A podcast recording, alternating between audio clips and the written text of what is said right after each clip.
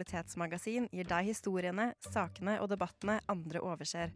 Aldri redd, alltid balansert.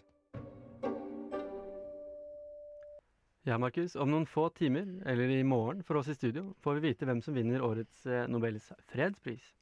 Og i fjor var vi jo på Nobelinstituttet for å få med oss da Berit Reiss-Andersen gikk ut den store brune døra på Nobelinstituttet.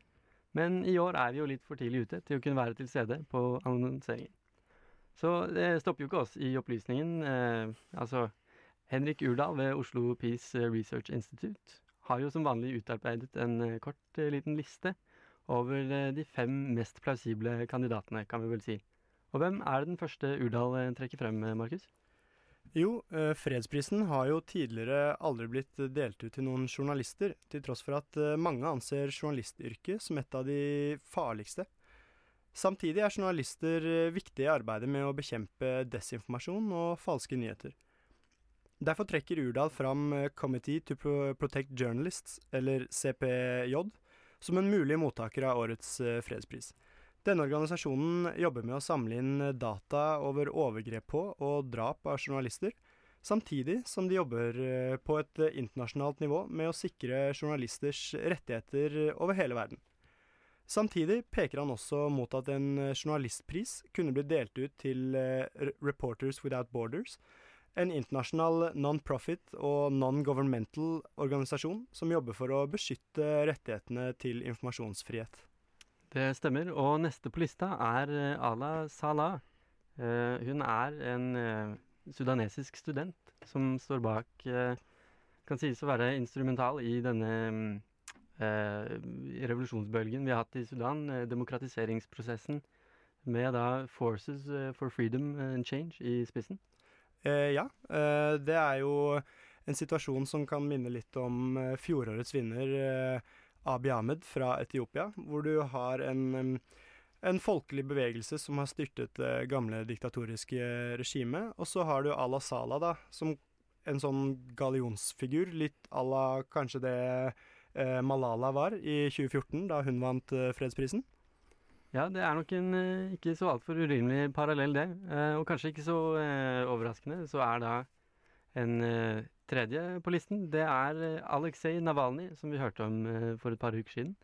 Han så jo da bak eh, The Anti-Corruption Foundation i Russland, og har jo også eh, vært eh, gjenstand for en eh, ja, hva kan man kalle det? En eh, forgiftning.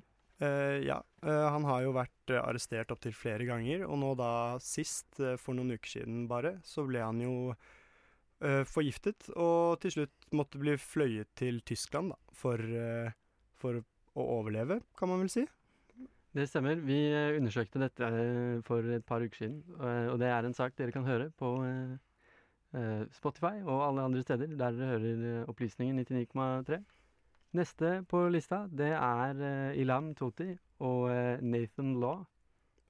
Eh, ja, da skal vi til eh, Kina, eh, og to som slåss eh, for eh, menneskerettigheter i eh, Kina. Den ene i Hongkong, da Nathan eh, Law, og Ilham Toti i Xinjiang-provinsen og for eh, uigurenes eh, rettigheter, da.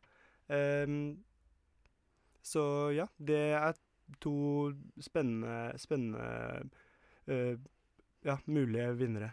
Det stemmer. Nathan Love var jo også eh, kandidat i fjor, så det gjenstår å se da om han eh, nå i år kan stikke av med Nobels... Eh, altså fredspris... Eh, ja, fredsprisen. Det er spennende å se.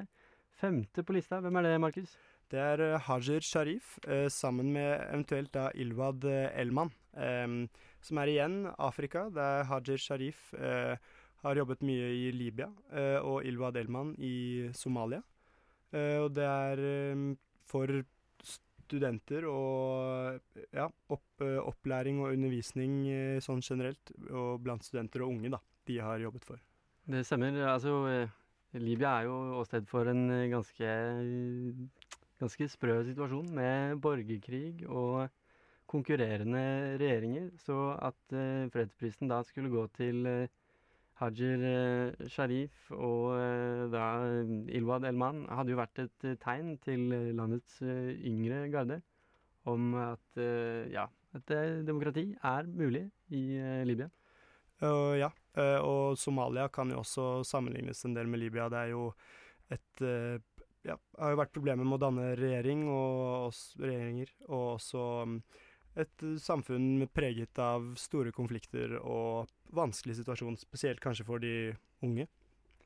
Ja, det er noe du, du er inne på noe der. Jeg tror eh, kanskje et signal eh, Nobelkomiteen kunne finne på å ønske å sende, da, er jo da i denne, eh, i denne vanskelige situasjonen som verden eh, befinner seg i, så kan det være en eh, idé å gi fredsprisen til eh, den yngre garde, henholdsvis eh, studenter, som vi så på listen Mm. Det er jo eh, mange som eh, ja, som kjemper sin sak og ønsker at verden skal gå eh, fremover. Ja, Så det gjenstår da å se hvem som vinner Nobels fredspris. Om kort tid, altså klokken 11, går Berit Reiss-Andersen ut den brune døra og annonserer vinneren.